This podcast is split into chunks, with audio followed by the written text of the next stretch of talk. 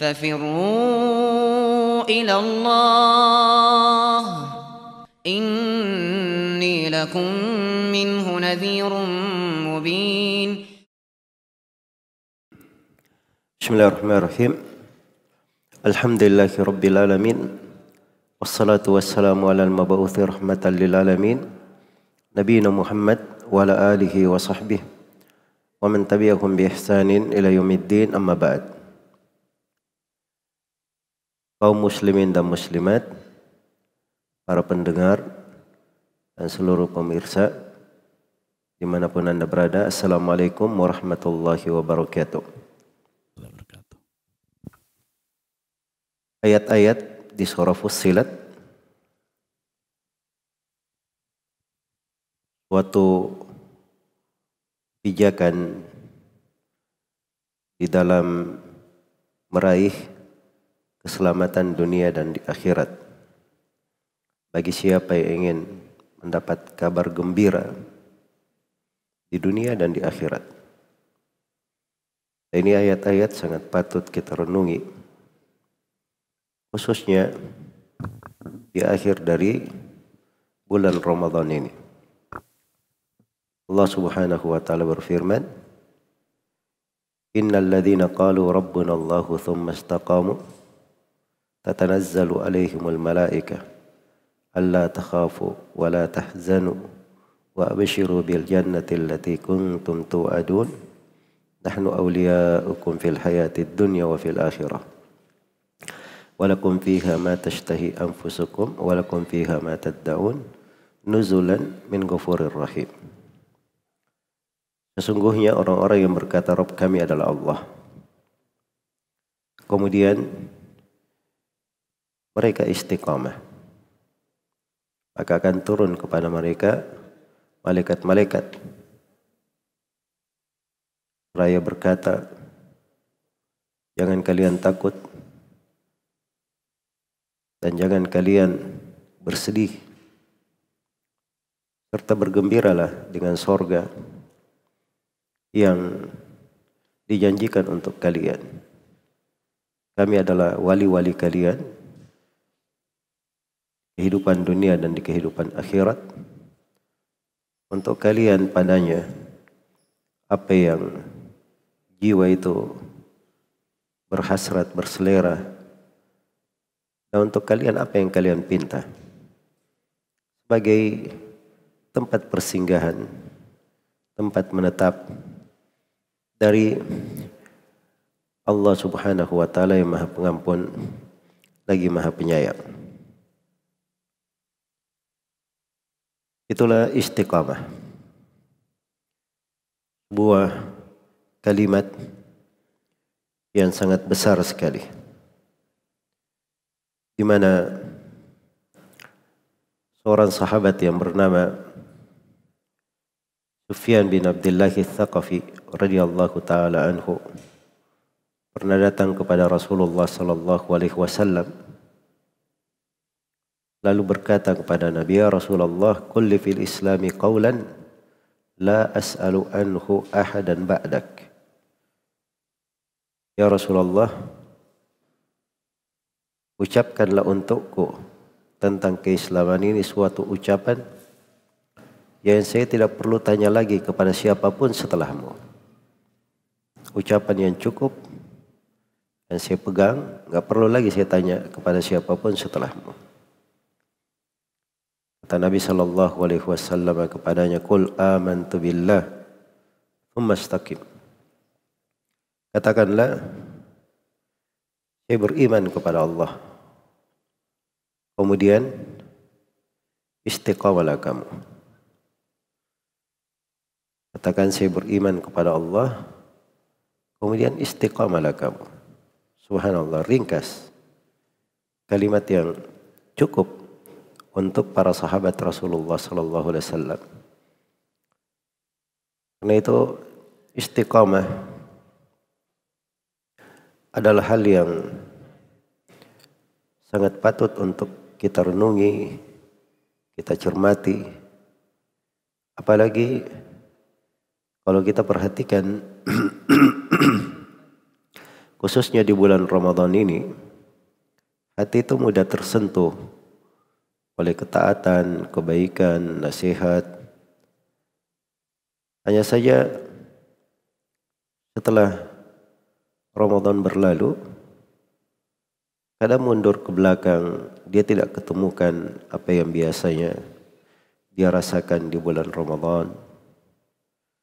Bahkan kadang ada yang di awal Ramadan dia bersemangat, tapi di akhirnya malah turun semangatnya. Dari sini tampak urgensi dari istiqamah itu. Dan pentingnya istiqamah. Karena yang dilihat itu adalah akhir dari sesuatu. Innamal amalu bil khawatim. Amalan-amalan itu tergantung pada penutupnya. Bahkan kita semua tahu kalau misalnya dalam sebuah kompetisi, perlombaan, putaran terakhir itu adalah penentu kemenangan. Di putaran terakhir. Bukan seorang yang memimpin hebat di putaran pertama, tapi justru berhenti atau kalah di putaran yang terakhir. Terkadang tidak memberi manfaat untuknya. Maka direnungi dari mana istiqamah ini. Ayat yang agung ini tersirat di dalamnya pelajaran-pelajaran yang luar biasa. Di antaranya, ayat ini menggambarkan definisi istiqamah. Dan ini dibahasakan oleh para ulama rahimahumallahu taala dari siratan ayat. Abu Bakar As-Siddiq radhiyallahu taala anhu yang dinukil dari beliau mendefinisi, mendefinisikan istiqamah. Kata beliau Allah tusyrik billahi syai'an. Istiqamah itu engkau tidak pernah mempersekutukan Allah dengan sesuatu apa pun. Nah, itu dipetik dari kata Rabbuna, Rabb kami. Di hadits Sufyan bin Abdullah Al-Thaqafi, aman tu billah. Pokok keimanan memurnikan ibadah kepada Allah, bertauhid dan meninggalkan segala bentuk kesyirikan. Meninggalkan segala bentuk kesyirikan. Ini definisi yang luar biasa dari Abu Bakar As-Siddiq radhiyallahu taala anhu. Kata Umar bin Khattab radhiyallahu taala anhu istiqamah itu an tastaqima 'ala al-amri wan nahi wa la tarugu rogan thalab Istiqamah itu adalah engkau istiqamah di atas perintah menjalankan perintah dan istiqamah di dalam meninggalkan larangan. Dan jangan bergelagak seperti tolehan-tolehan serigala. Serigala itu ada gayanya ya, gaya berjalan selalu menoleh kanan, lenggak-lenggok. Ya. Dan istiqamah tidak seperti itu. Istiqamah itu dia lurus ke depan, tidak ada kanan dan kiri, tetap di atas perintah dan meninggalkan larangan. Ini dalam definisi Umar bin Khattab radhiyallahu taala anhu. Dan istiqamah kata Uthman bin Affan radhiyallahu taala anhu akhlasul amalu lillah. Jadi orang istiqamah artinya mengikhlaskan amalan untuk Allah. Nah ini diucapkan oleh sejumlah as-salaf dari kalangan tabi'in tentang ikhlas di makna istiqamah. Sampai kata Abu Aliyah istiqamah itu mengikhlaskan amalan dan agama. Ketaatan hanya untuk Allah. Iya. Maka ini posisi penting dari istiqamah. Kata Ali bin Abi Thalib radhiyallahu taala istiqamah adalah adaul faraid. Karena itu beliau katakan addul faraid. Addaul faraid. Mereka menunaikan kewajiban-kewajiban. Dan semisal dengannya penafsiran Ibnu Abbas, istaqamu istaqamu ala ada'il fara'id. Mereka istiqamah di dalam menegakkan di dalam menunaikan kewajiban-kewajiban. Di dalam menunaikan kewajiban-kewajiban. Iya. Nah ini semana dengan ucapan-ucapan para ulama di dalam masalah istiqamah. Karena itu istiqamah ada sebab-sebabnya. Ada jalan-jalan yang mengantar seorang untuk istiqamah. Jika ibadah itu disyariatkan oleh Allah Subhanahu wa taala, istiqamah ini di antara pokok perkara maka pasti diterangkan jalan untuk menggapai istiqamah dan berada di atasnya. Dan itu tersirat dari pembahasan-pembahasan para ulama. Karena itu untuk siapa yang istiqamah, yang pertama, dia selalu memelihara dirinya di atas tauhid. Tidak pernah berbuat kesyirikan. Yang kedua, dia selalu menjaga keikhlasannya. Dan ini semuanya masuk dalam kandungan Rabbun Allah. Rabb kami adalah Allah. Aman tu billah. Saya beriman kepada Allah. Dan ketiga bagi siapa yang ingin istiqamah, dia harus belajar ilmu syariat. Dia belajar ilmu agama. Sebab keimanan itu dibangun di atas ilmu dibangun di atas ketaatan. Dan untuk mengenal jalan yang lurus, dia perlu ilmu supaya dia bisa istiqamah di atas jalan.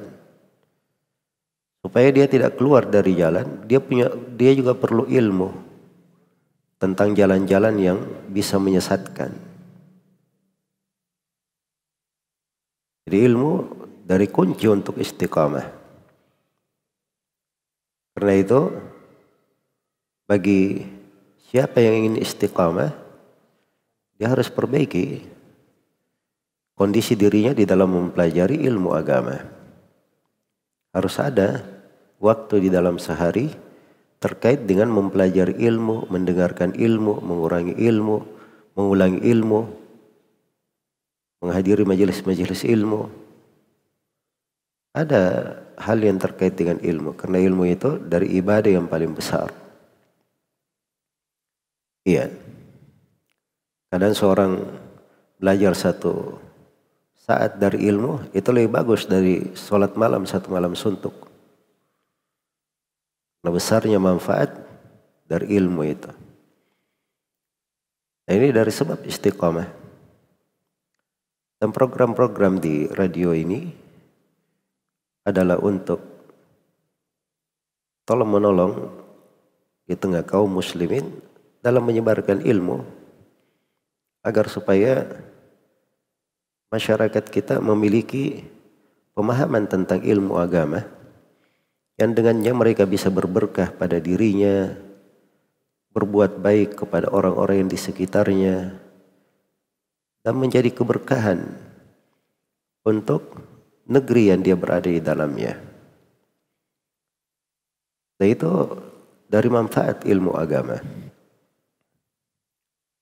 Kemudian yang kedua, eh, yang keempat dari sebab istiqamah jalannya adalah beramal. Beramal.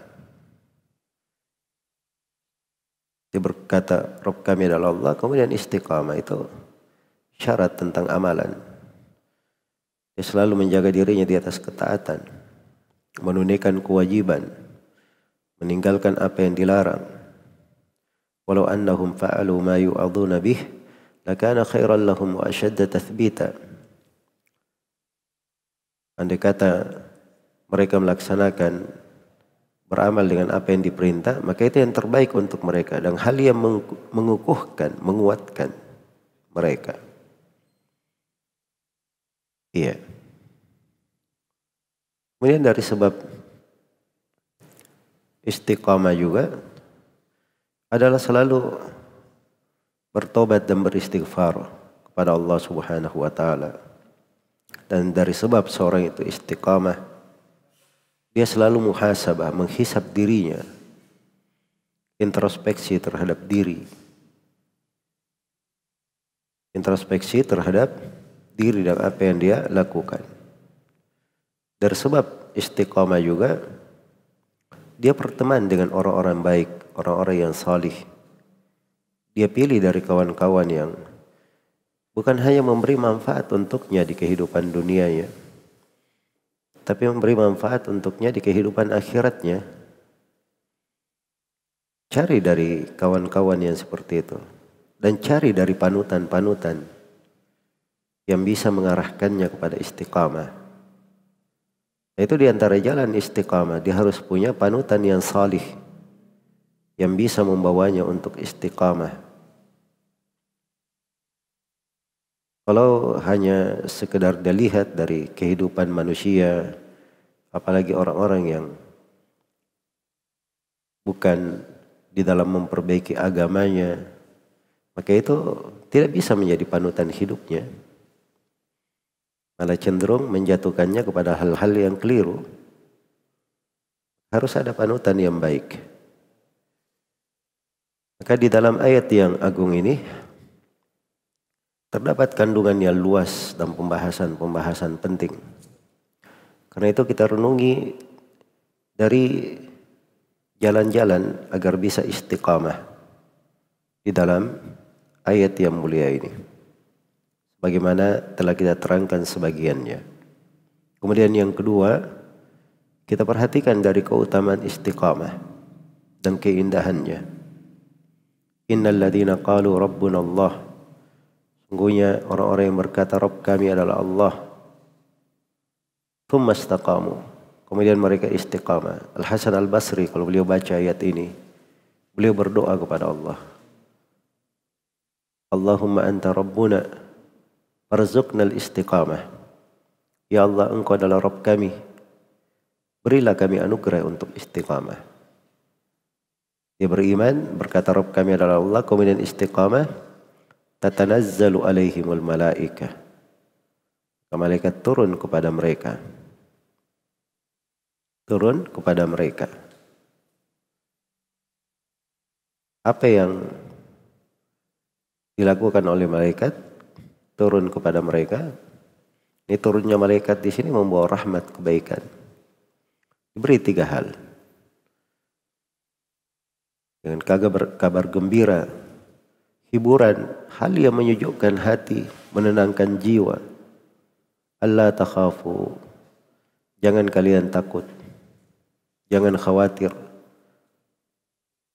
Wala tahzanu dan jangan kalian bersedih hati. Wa abshiru dan bergembiralah kalian. Bil jannatil lati kuntum tu'adun dengan sorga yang kalian dijanjikan dengannya. Para ulama ahli tafsir ada yang mengatakan bahwa ini ayat terkait dengan seorang mukmin ketika dihadiri oleh sakaratul maut. Malaikat datang dan memberi kabar gembira. Dan sebagian yang lainnya berkata bahwa ini ketika di alam kubur. Tadi mengatakannya bahwa ini ketika di hari kebangkitan. Ketika keluar dari kuburnya, maka disambut oleh malaikat. Langsung dihibur.